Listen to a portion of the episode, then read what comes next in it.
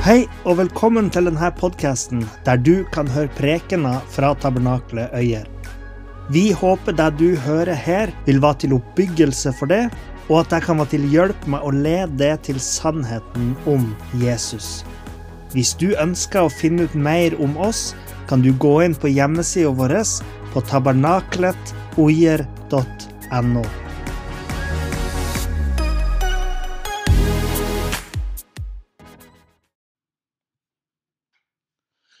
I den eh, videoen vi så, så snakka de om hvem Jesus var, hva han gjorde, og hva han lærte.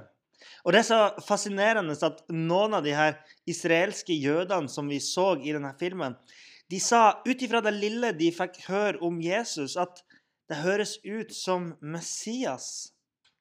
En av de påpekte til og med at eh, det de hørte om Jesus, var egenskaper man vanligvis bare ser hos Gud. Og så er det òg litt eh, tankevekkende å se de her eh, skriftlærde, de her ultraortodokse, hvordan de fortsatt ser ut til å ha et sånt slør foran øynene, der de, de får høre historiene om Jesus, og så med en gang det avsløres at det er snakk om Jesus, da vil de ikke høre mer. Men når de hører historiene og leser om Jesus, så sier de han var en rettferdig jøde, en rettskaffen jøde.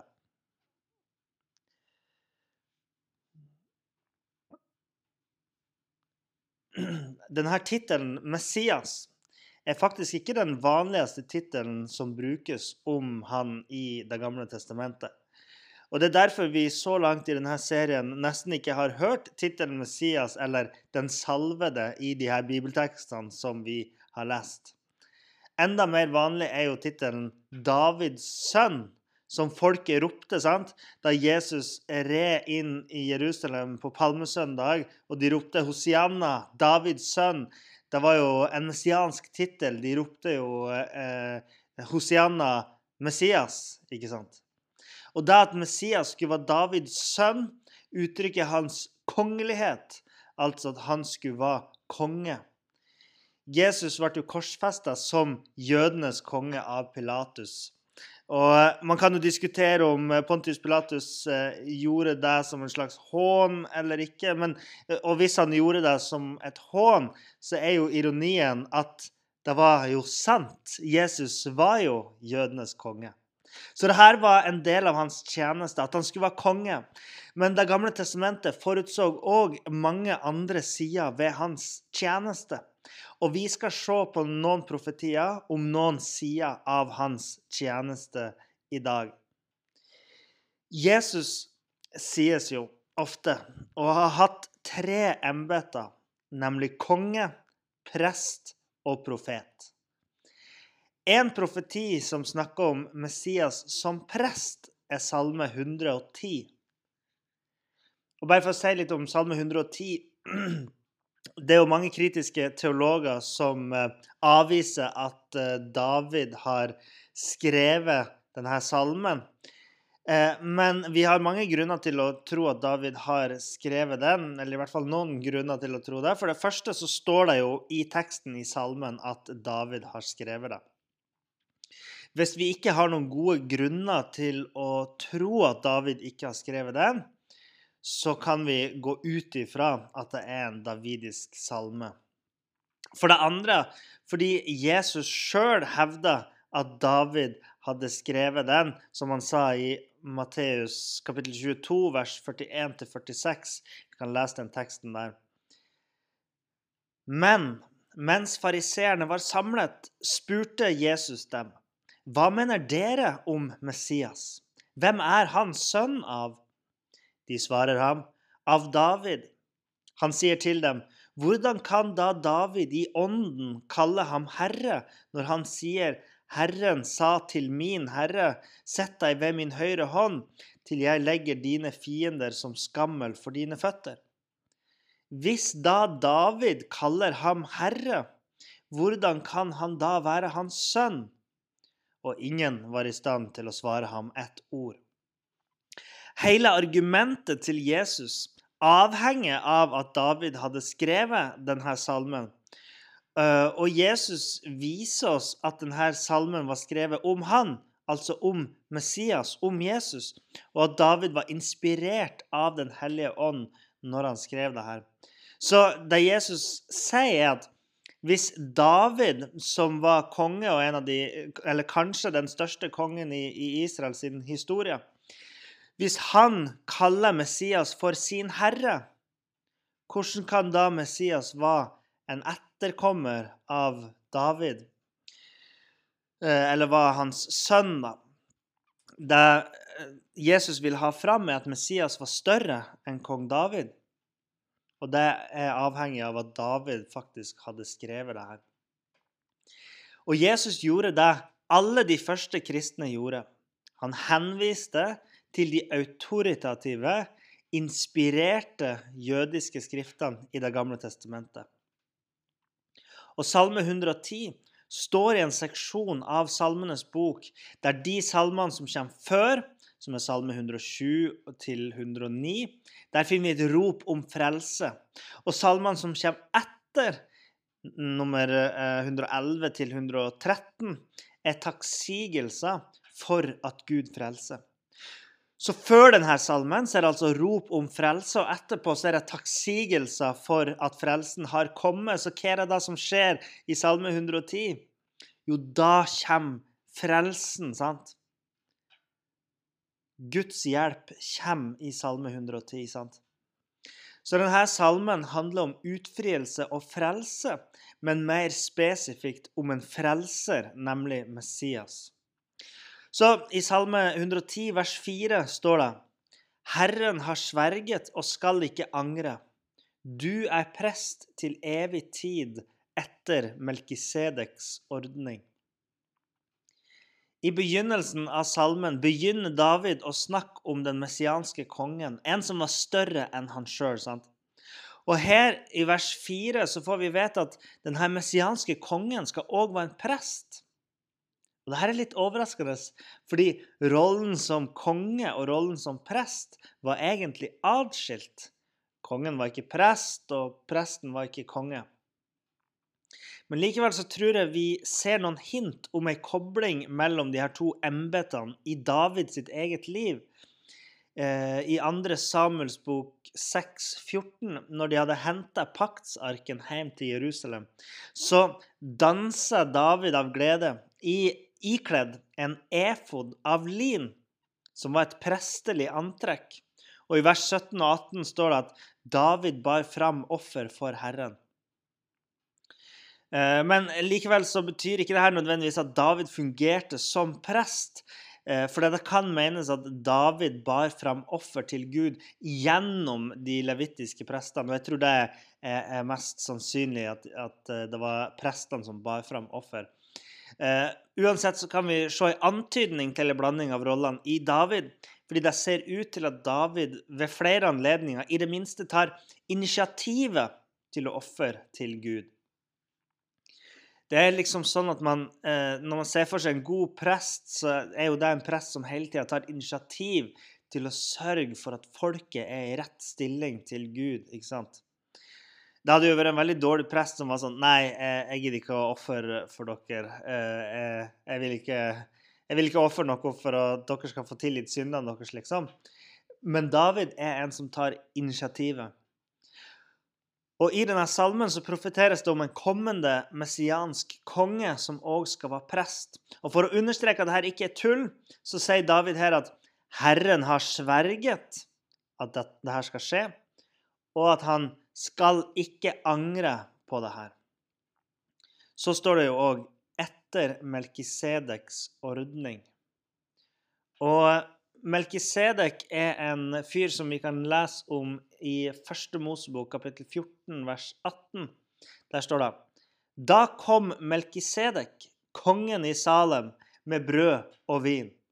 Han var prest for den høyeste Gud. Så hva var Melkisedek? Jo, han var prest, og han var konge. Så Melkisedek, denne prestekongen, er da et forbilde på Messias. Messias vil ligne på ham i, den forstand at han vil være både prest og konge, men Messias vil være prest til evig tid. Altså, Jesus oppfylte det her ved at han bar fram seg sjøl som et evig offer for alle som tror på han, til forskjell fra de levittiske prestene, som hele tida måtte bære fram utilstrekkelige offer for folket sine synder. Eh, Hebreerbrevet gjør jo et stort poeng ut av det her, så hvis du vil vet mer om det her, så gjerne sjekk ut Hebreerbrevet kapittel 7 og, og utover. Jesus som prest og det offeret han ga, er nok til å utslette all vår synd til evig tid. Så Messias ville være prest og konge. Men han ville òg ha et tredje embete, nemlig som profet.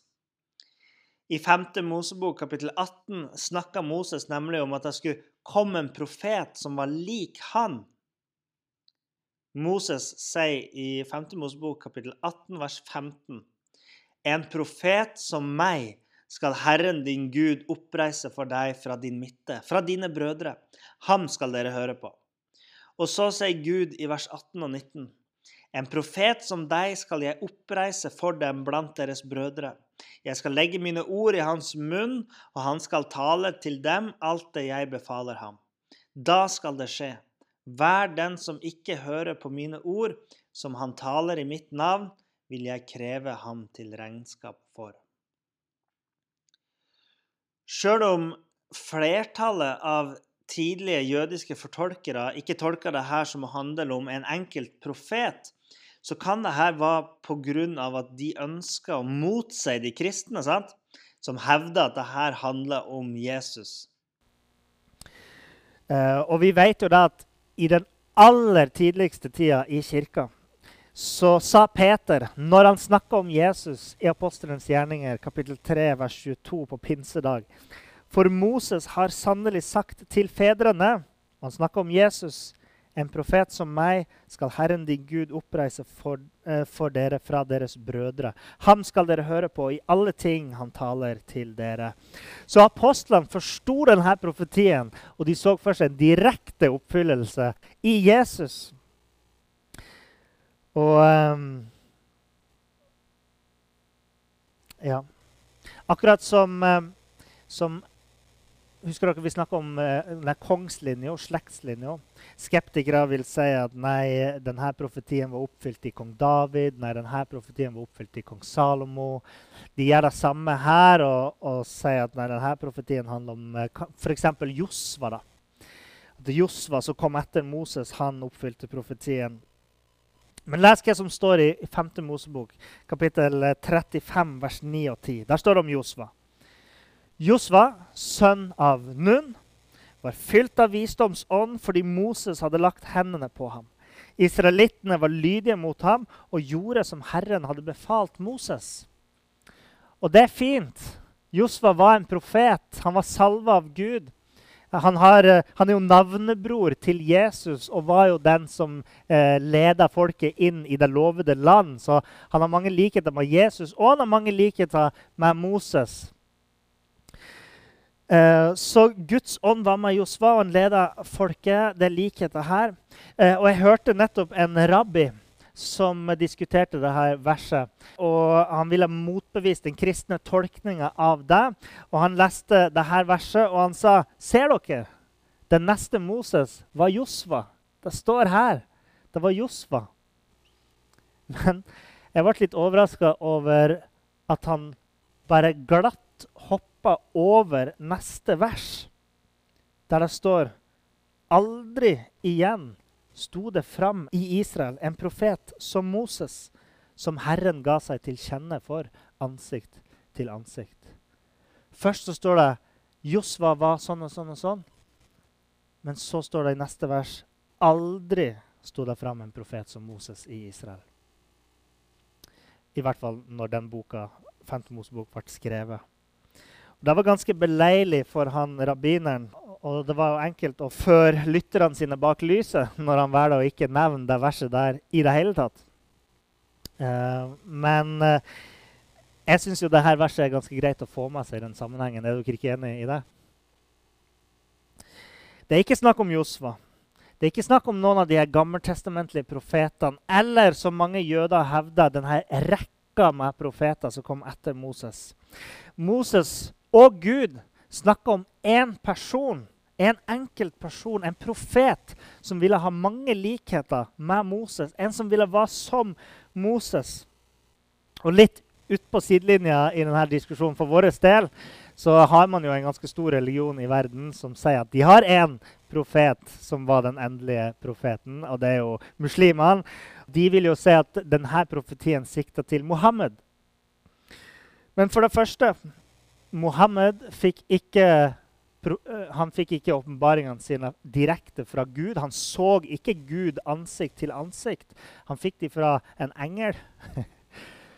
For det andre så står det i profetien her at Gud skal reise opp en profet blant deres brødre, fra deres midte. Og hvem er det han snakker til?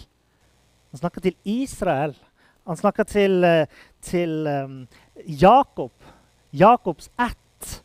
Abrahams ett. Blant dere brødre i de tolv stammene. ikke sant? Blant dere som er etterkommere av Jakob. Det skal komme en fra dette folket, fra deres midte. Og dette uttrykket 'blant deres brødre' brukes kun i forbindelse med Israel. Det er ikke, det er ikke snakk om eh, liksom, ja, vi er brødre i menneskeheten. Eller det er ikke snakk om, eh, om, om liksom, fysiske brødre, at vi har samme mor. Men det er snakk om et folk. Det er snakk om Israel. Det, det, det er helt hårreisende at man tolker det på den måten som de gjør. Men det er litt sånn klassisk eh, muslimsk eh, feiltolking av bibeltekstene for å få de til å passe. Når vi ser på livet til Jesus, derimot, så ser vi alle likhetene mellom Moses og Jesus. Teologen Jim Sibley han peker på noen av de her likhetene. og Jeg har lyst til å, å nevne noen av de for dere. Begge to ble redda av foreldrene sine som, uh, som, et lite barn fra en ond hersker. ikke sant? Uh, Jesus i Betlehem uh, og Moses i Egypt. Begge to dro ut i villmarka og fasta i 40 dager og 40 netter. Moses sitt første mirakel var å gjøre vann om til blod. Jesus sitt første mirakel var å gjøre vann om til Vin, takk. Under bergpreken så er Jesus som en ny Moses på Sinai-fjellet. Uh, og som Gud sørga for mat til uh, israelittene i ørkenen på mirakuløst vis gjennom Moses, så metta Jesus tusenvis av mennesker på mirakuløst eh, vis, der folket sa etterpå i Johannes 6, 14, han er i sannhet profeten, han som skal komme til verden. Moses gikk opp på fjellet og møtte Gud. Og da Moses kom ned fra fjellet, så skinte ansiktet hans fordi han hadde vært i Guds nærhet. Jesus tok med seg disiplene opp på fjellet, og da skinte ansiktet til Jesus fordi Jesus var Guds nærhet. Moses ba folket om å ofre et lam. Jesus var offerlammet. Og Sist, men ikke minst, må vi også se parallellen mellom Moses, som leda folket ut av slaveriet og undertrykkelsen i Egypt, og Jesus, som på en mye større måte har satt mennesker fri fra syndens slaveri og undertrykkelse av alle mennesker. Så de har mange likheter. Hva var profeten sin rolle, da? Jo, vi leser jo det her. Jeg skal legge mine ord i hans munn, og han skal tale til dem alt det jeg befaler ham, sier Gud om denne profeten. Vær den som ikke hører på mine ord, som han taler i mitt navn, vil jeg kreve ham til regnskap for. Så han skal forkynne Guds ord. Han skal si det Gud har lagt på hjertet hans. Og hvis man ikke lytter til denne kommende profeten, så vil det få konsekvenser for oss. Og Jesus sa i Johannes 12, vers 48 og 49, så sier Jesus.: Den som forkaster meg og ikke tar imot mine ord, har det som dømmer ham. Ordet jeg har talt, skal dømme ham på den siste dag. Jeg har ikke talt av meg selv. Far som har sendt meg, ga meg bud om hva jeg skulle si, og hva jeg skulle tale. Se på de versene her. Dere kan se mer på det når dere kommer hjem.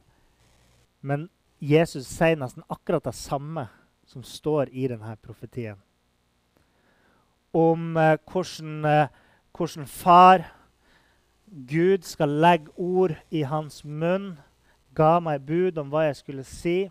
Den som forkaster meg og ikke tar imot mine ord, har det som dømmer ham, vil jeg kreve ham til regnskap for hvis man ikke følger hans ord.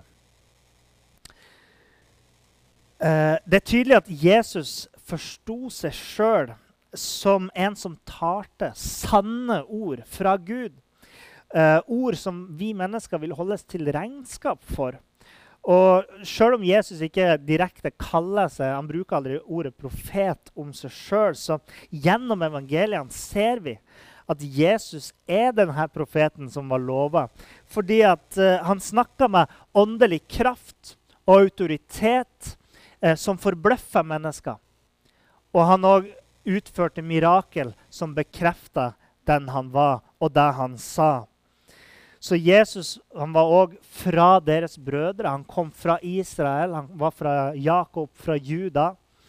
Og Apostlene forsto Jesus som denne lovede profeten. Og vi ser jo at Jesus var oppfyllelsen av denne profetien. Så i sin tjeneste så var Jesus prest, eh, konge, prest og profet. Jeg snakker om de miraklene. Og den mirakuløse tjenesten til Jesus var òg med å bekrefte hans identitet som Messias. Når Jesaja beskriver Guds kommende frelse, så skriver han i Jesaja 35, vers 5 og 6. Da blir de blindes øyne åpnet, og de døves ører lukkes opp. Da skal den lamme mannen springe som dådyret, og den stumme juble med sin tunge. Ser vi Jesaja i helhet, så skjønner vi ut ifra tematikken at det her er snakk om den messianske tida. Fordi at Jesaja bruker ofte denne tematikken rundt blindhet når han snakker om den messianske tida. Det er et gjentagende tema gjennom Jesaja. La oss f.eks. lese fra Jesaja 42. Eh, som er et veldig tydelig messiansk avsnitt, der det står i vers 1 Se! Husker dere forrige søndag jeg snakket om det her? Se! Sånn profetisk uttrykk. Følg godt med nå, for nå kommer det noe viktig. Min tjener som jeg holder oppe, min utvalgte. I ham har min sjel velbehag. Jeg har lagt min ånd på ham, og han skal føre retten ut til folkeslagene. Også vers 6 og 7. Jeg, Herren, har kalt deg Han snakker fortsatt om denne messianske skikkelsen. Har kalt deg i rettferd og holder fast i din hånd. Jeg bevarer deg og gir deg som en pakt for folket og et lys for folkeslagene, for at du skal åpne blinde øyne og føre fanger ut av fengsel, og føre dem som sitter i mørket, ut fra fangehuset. Herrens tjener som Herren har lagt sin ånd på, altså en som er salva av Gud det er jo det Messias betyr en salve, det, og denne personen er jo salva. Han skal åpne blinde øyne. Jesaja ser for seg Messias og den messianske tidsalder. At det skal følges med mirakuløse gjerninger og helbredelser av mennesker. Eh, det er interessant å lese at eh, vi vet fra de her jødene i, i Qumran noen av dere har vært i Israel og har sikkert vært i Qumran-samfunnet ute i, i, eh, ved Dødehavet. Det er jo der de fant de her dødehavsrullene. Og det var et lite jødisk sånn slags sekt som holdt til der, som tok vare på mye av de jødiske skriftene, og også skrev mye sjøl. Og omkring 100 år før Jesus kom, så de kjente ikke til Jesus og, og hans mirakuløse eh, gjerninger og sånt, men de skrev i en av dødehavsrullene med det spennende navnet 4Q521 fra omkring 100 år før Kristus. Han vil helbrede de skadde, skriver de om Messias, gjenopplive de døde og bringe gode nyheter til de fattige. I dette jødiske samfunnet, som vi er så heldige å ha, ha arva skriftene fra, så hadde de en klar forventning om at Messias ville føre med seg helbredelse, gjenopplivelse fra de døde og bringe gode nyheter til de fattige. Hvem høres det ut som? vi vet det. Det er Jesus. Så det er veldig interessant det er veldig interessant at de hadde en sånn forventning til Messias som ble oppfylt i Jesus. Uh, viktigst av alt er kanskje det at Jesus sjøl peker på sin mirakuløse og helbredende tjeneste som en bekreftelse på at han var Messias. Vi skal lese et lite avsnitt fra Matteus kapittel 11, uh, eh, vers 2. Mens Johannes satt i fengselet hørte han om Kristi gjerninger. Derfor sendte han ut to av disiplene sine og spurte ham, Er du den som skal komme, eller skal vi vente en annen? Jesus svarte dem, Gå og fortell Johannes alt dere hører og ser. Blinde ser, og lamme går. Spedalske blir renset, og døve hører. Døde blir vekket opp, og evangeliet blir forkynt for de fattige. Når døperen Johannes trengte en bekreftelse Kanskje hadde han noe tvil da han satt i fengselet og forsto ikke hvorfor han skulle være fengsla hvis Jesus var Jeg vet ikke hva bakgrunnen var for det her, men, men, men Johannes trengte en bekreftelse og da fra Jesus. Og da, da pekte Jesus på det disiplene hans kunne se og det de kunne høre, nemlig at mennesker ble helbreda, døde ble gjenopplivet, de gode nyhetene ble forkynt for de fattige.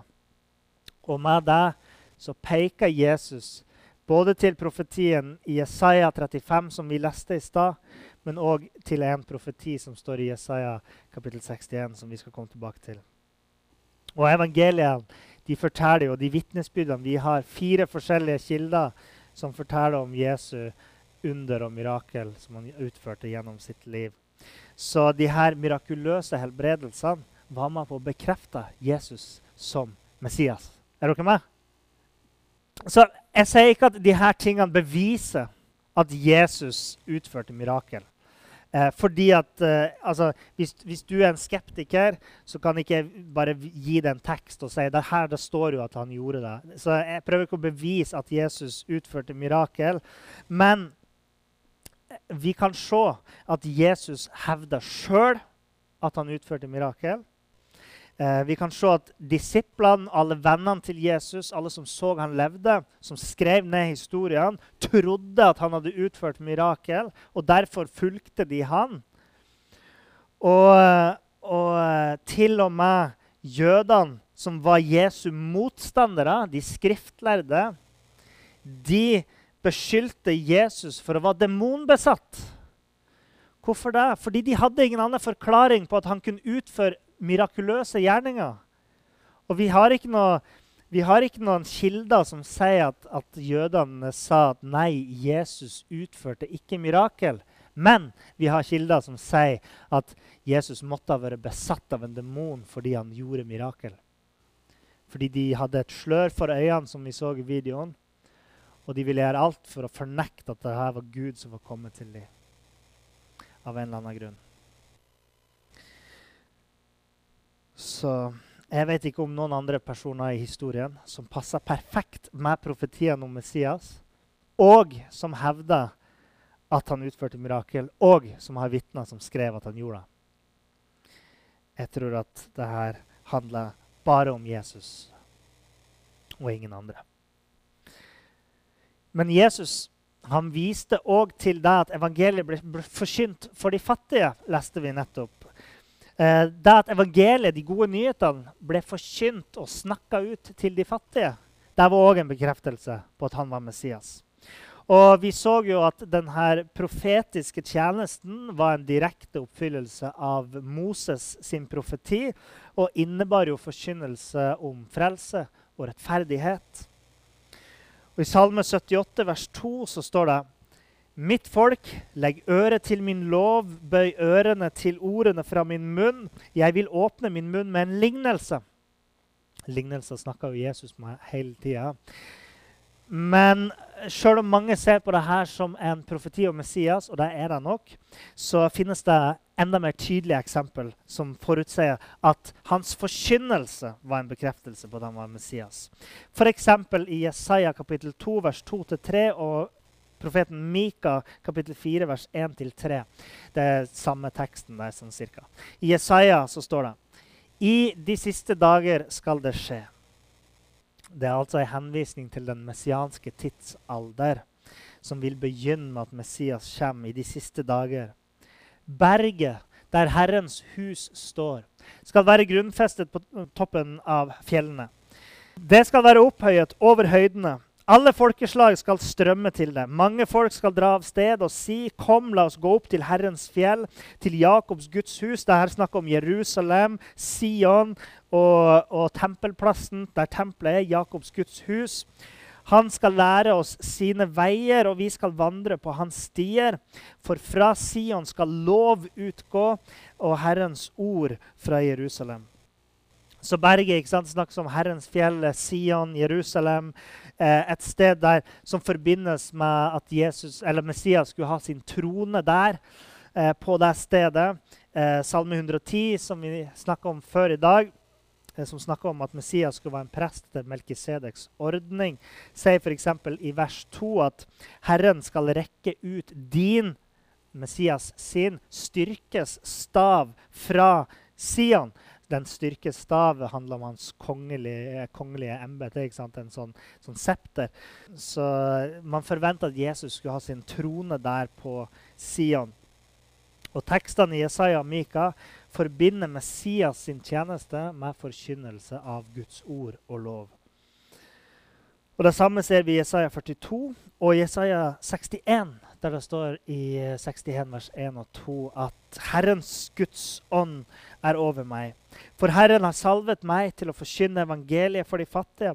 Han har sendt meg for å forbinde dem som har et nedbøyet hjerte, for å rope ut frihet for fanger og sette de bundne fri, for å rope ut et nådens år fra Herren.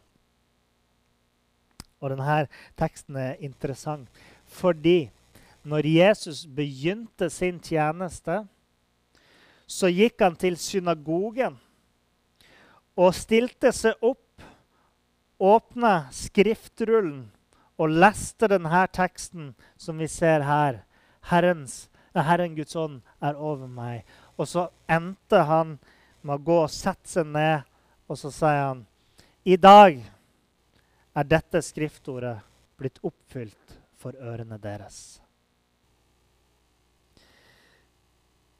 Så Jesus tolker det her om seg sjøl.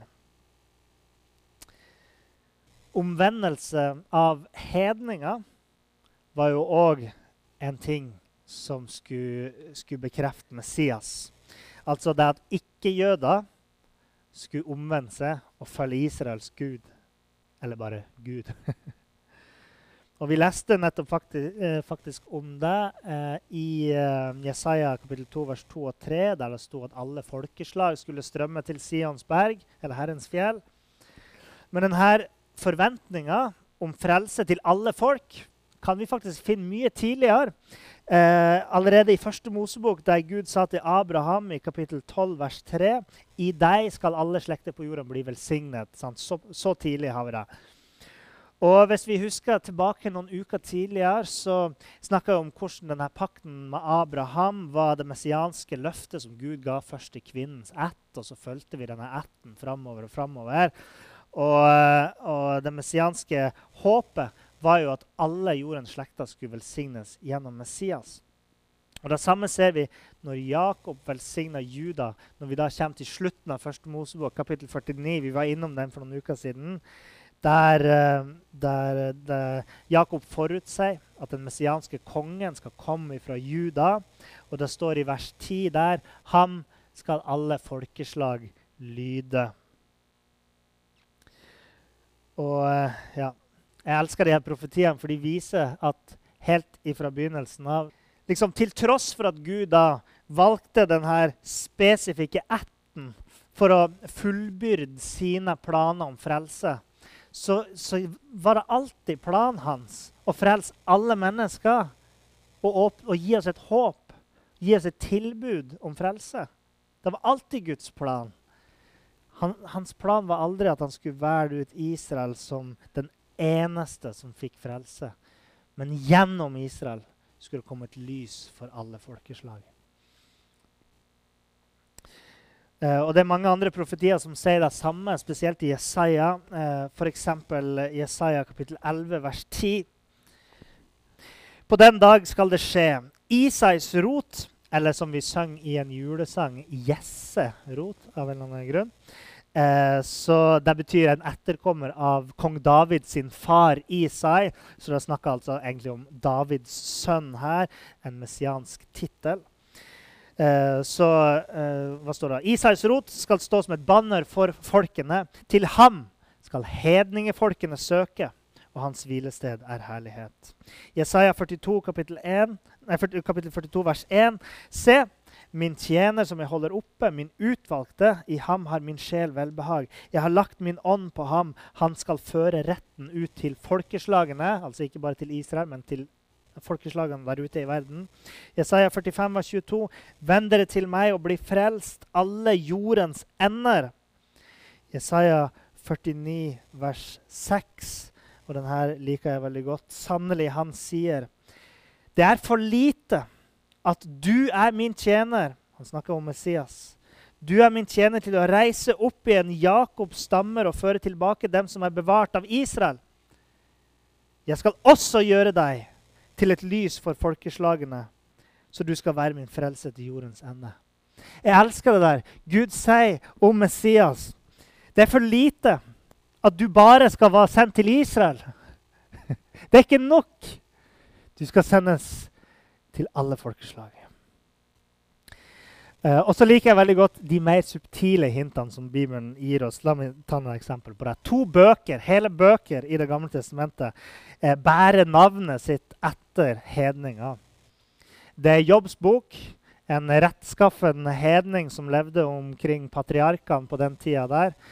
Uh, og så har du Ruths bok. Og Ruths bok handler om Guds ivaretagelse av den messianske slektslinja. Eh, som jeg sa, Vi husker denne slektslinja som gikk nedover og nedover. Vi kom til Jakob, vi kom til Juda eh, i Mosebøkene. Og i Mosebøkene så får vi òg vite at denne ætten gikk videre i Juda sin sønn Peres i første Mosebok kapittel 38, hvis noen er interessert i det. Men så, hvor fortsetter den? For ja, Jeg har jo snakka om David. Jeg hoppa fram til David plutselig. ikke sant? Ja, David var, var liksom etterkommer av Juda. Men hvordan vet vi det, da? Jo, fordi Ruths bok har ei lita slektsbok helt på slutten, noen vers på slutten, som fører oss fra Judas sønn eh, Peres til Isai, Davids far. Det er poenget med Ruths bok. Hvordan, hvordan Gud tar vare på sitt folk gjennom, eh, gjennom historien, gjennom vanskeligheter. Og Gud trygger denne messianske linja ved hjelp av den hedenske kvinnen Ruth. Så Bibelen sier klart og tydelig at Jesus gjennom Ruth òg var en etterkommer av en hedning. At midt i hans rene semittiske, abrahamittiske, judaittiske slektslinje liksom, så hadde Gud poda inn et annet folkeslag. Og det peka framover mot det som skulle komme, at Jesus var en frelse for alle. Og det er fantastisk. Sånne små hint. Og jeg kan bare slenge på en kort en siste profeti helt på tampen som en bonus for dere. Joel kapittel 3. Joel skriver i, i Vi kan lese først kapittel 2, vers 23. Fry dere, Sions barn, og gled dere i Herren deres Gud. For han gir dere læreren til rettferdighet, og så skal han sende regnet til dere, til tidligregnet og senregnet som før. Eh, Bibelen 2011 har jo vært å oversette her verset i eh, Joel 2,23 med eh, Fry dere Sions barn, gled dere i Herren deres Gud, for han gir dere regn i rett tid. Han lar regnet falle som før, både høst og vår. Så det er litt annerledes. De har kutta ut den, eh, den eh, læreren til rettferdighet og gjort en annen avveining på det punktet der. Uh, og jeg ville bare påpeke akkurat den uh, forskjellen hvis det er noen av dere som leser Bibelen 2011 og stusser over hva er han prater om læreren til rettferdighet og sånt. Uh, uansett om du leser Bibelen 2011 eller noen av de andre, så handler det her om at Gud vil komme en rik velsignelse. Det er jo det her vårregn og, og høstregn. Det er en sånn rik, rik velsignelse. men implikasjonen i denne oversettelsen med læreren til rettferdighet er jo at det er en veldig direkte eh, henvisning til Messias. da. Så eh, det vil komme en stor velsignelse, som eh, er Messias. Og så fortsetter Joel i kapittel 3, vers 1 og 5. Deretter skal det skje at jeg skal utøse min ånd over alt kjød. Alt kjød er jo da hele menneskeheten. ikke sant? Og i vers 5 det, da, eh, da, skal det skje Hver den som påkaller Herrens navn, skal bli frelst. Hver den som påkaller Herrens navn. Og dette ble oppfylt etter Jesus hadde dratt opp til himmelen. På pinsedag, da Den hellige ånd, Guds ånd, kom ned og fylte disiplene, og Peter sa, 'Dette er det som er sagt ved profeten Joel.' Hundrevis av år etterpå, da skjedde det. Dette er det som er sagt ved profeten Joel. Og Den hellige ånd kom over dem. Eh, og utover i boka så kommer Den hellige ånd over hedningene òg og overbeviser de om at frelsen var til hedningene. Så det var tydelig at løftet var til alle. Og Jesus viste det her i sin tjeneste. Selv om han ikke så ofte gikk til hedningene mens han var her, så viser han deg i sitt møte med den romerske offiseren og helbreder tjeneren hans og sier at så stor en tro som du har, har jeg aldri sett i Israel. Og han viser det når han går til den samaritanske kvinnen ved brønnen. Og han tilbringer dagevis der i Samaria, og han forkynner evangeliet til de. Han viser det til den amerikanske, nei, amerikanske, samaritanske kvinnen som kommer og, og ber han om hjelp ved når han sitter ved bordet der og i lag med disiplene sine. Så jeg og du, vi kan bli frelst ved tro på Jesus. Ved å stole på han. Han kom for oss, ikke bare for Israel. Ikke bare for Isak, ikke bare for, for uh, Ishmael, de her sønnene til Abraham. Men han kom for alle mennesker. Jesus er vår konge, som vi må bøye kne for. Jesus er Guds profet, som vi må lytte til. Jesus er vår ypperste prest, som vi må gi vårt liv til. Han utførte mirakler, snakka jeg om. Og jeg tror at han kan utføre mirakler i ditt liv i dag. Og han kan vise deg at han er Messias gjennom mirakler i ditt liv i dag. Han forkynte sannheten og Sannheten kan sette deg fri. Han kaller alle folk til seg. Han kaller på det. Og han vil at du skal komme til han. Det finnes ingen andre bøker i verden som kan skilte med en sånn her fremtidsprofeti som det Bibelen kan. Nå går vi bare gjennom profetiene om Messias, og bare en håndfull av profetiene om Messias. Men Bibelen er full av profetier som er oppfylt, og som fortsetter å bli oppfylt. Og det er ingen andre hellige bøker som kan, eh, som kan uh, skryte på seg og ha noe i nærheten av det her. Hvis dere har lest noen andre hellige skrifter, såkalt hellige skrifter, religiøse skrifter, og sett på det de andre hevder er profetier, det blekner i forhold. Det kan ikke sammenlignes. Og det er fordi at dette er Guds inspirerte ord til oss mennesker. Bibelen er unik. Den er helt annerledes. Og hele Bibelen handler om Jesus, Messias. Til og med Ruths bok og Jobbs bok, der du finner en, en profeti der òg. Kristne har ikke funnet på det her om Jesus. Fordi når vi ser på de gamle skriftene, så beskriver det Jesus i detalj. Det er ikke sikkert alle blir overbevist av det. Kanskje har de et slør for øynene. Men jeg ber om at Gud skal ta vekk sløret fra dine øyne, så du kan komme til tro på Jesus. Hver den som påkaller hans navn, skal bli frelst. Du, alt du trenger å gjøre, er å gå hjem og påkalle hans navn. Si, 'Gud, vis det for meg.' Hvis du er den du sier du er, så, så vis det for meg. Og jeg tror at disse tingene vil bli enda mer tydelige i de neste ukene og neste søndag når vi skal snakke om profetiene om hans lidelse. Hmm. Herre Far, jeg takker deg for, eh, for, at du er så tydelig i, i ditt ord i Bibelen. Du er så tydelig når du snakker til oss, og du viser oss hvem Messias er gjennom de her eldgamle skriftene. Jeg takker deg for at vi kan, kan få stol på det her og holde fast ved de her løftene som du har gitt oss gjennom Jesus. De som går gjennom hele Det gamle testamentet og gjennom hele Det nye testamentet, som sier det her. At du elsker oss, du vil at alle mennesker skal bli frelst. Du sendte din sønn til oss, sånn at vi kan tro på han. Jeg takker deg for de her løftene, Herre. Jeg takker deg for den frelsen vi får gjennom tro på Jesus. Far, jeg ber om at du skal løfte sløret fra øynene våre til å se mer av det, til å forstå mer av dybden i ditt ord og din sannhet, så vi kan vokse som troende, som dine barn, Herre. Eh, og jeg ber om at du skal komme en vekkelse til øyer eh, og lede mennesker til det, Herre Far. For vi har god grunn til å venne oss til det. For du har alle gode gaver til oss.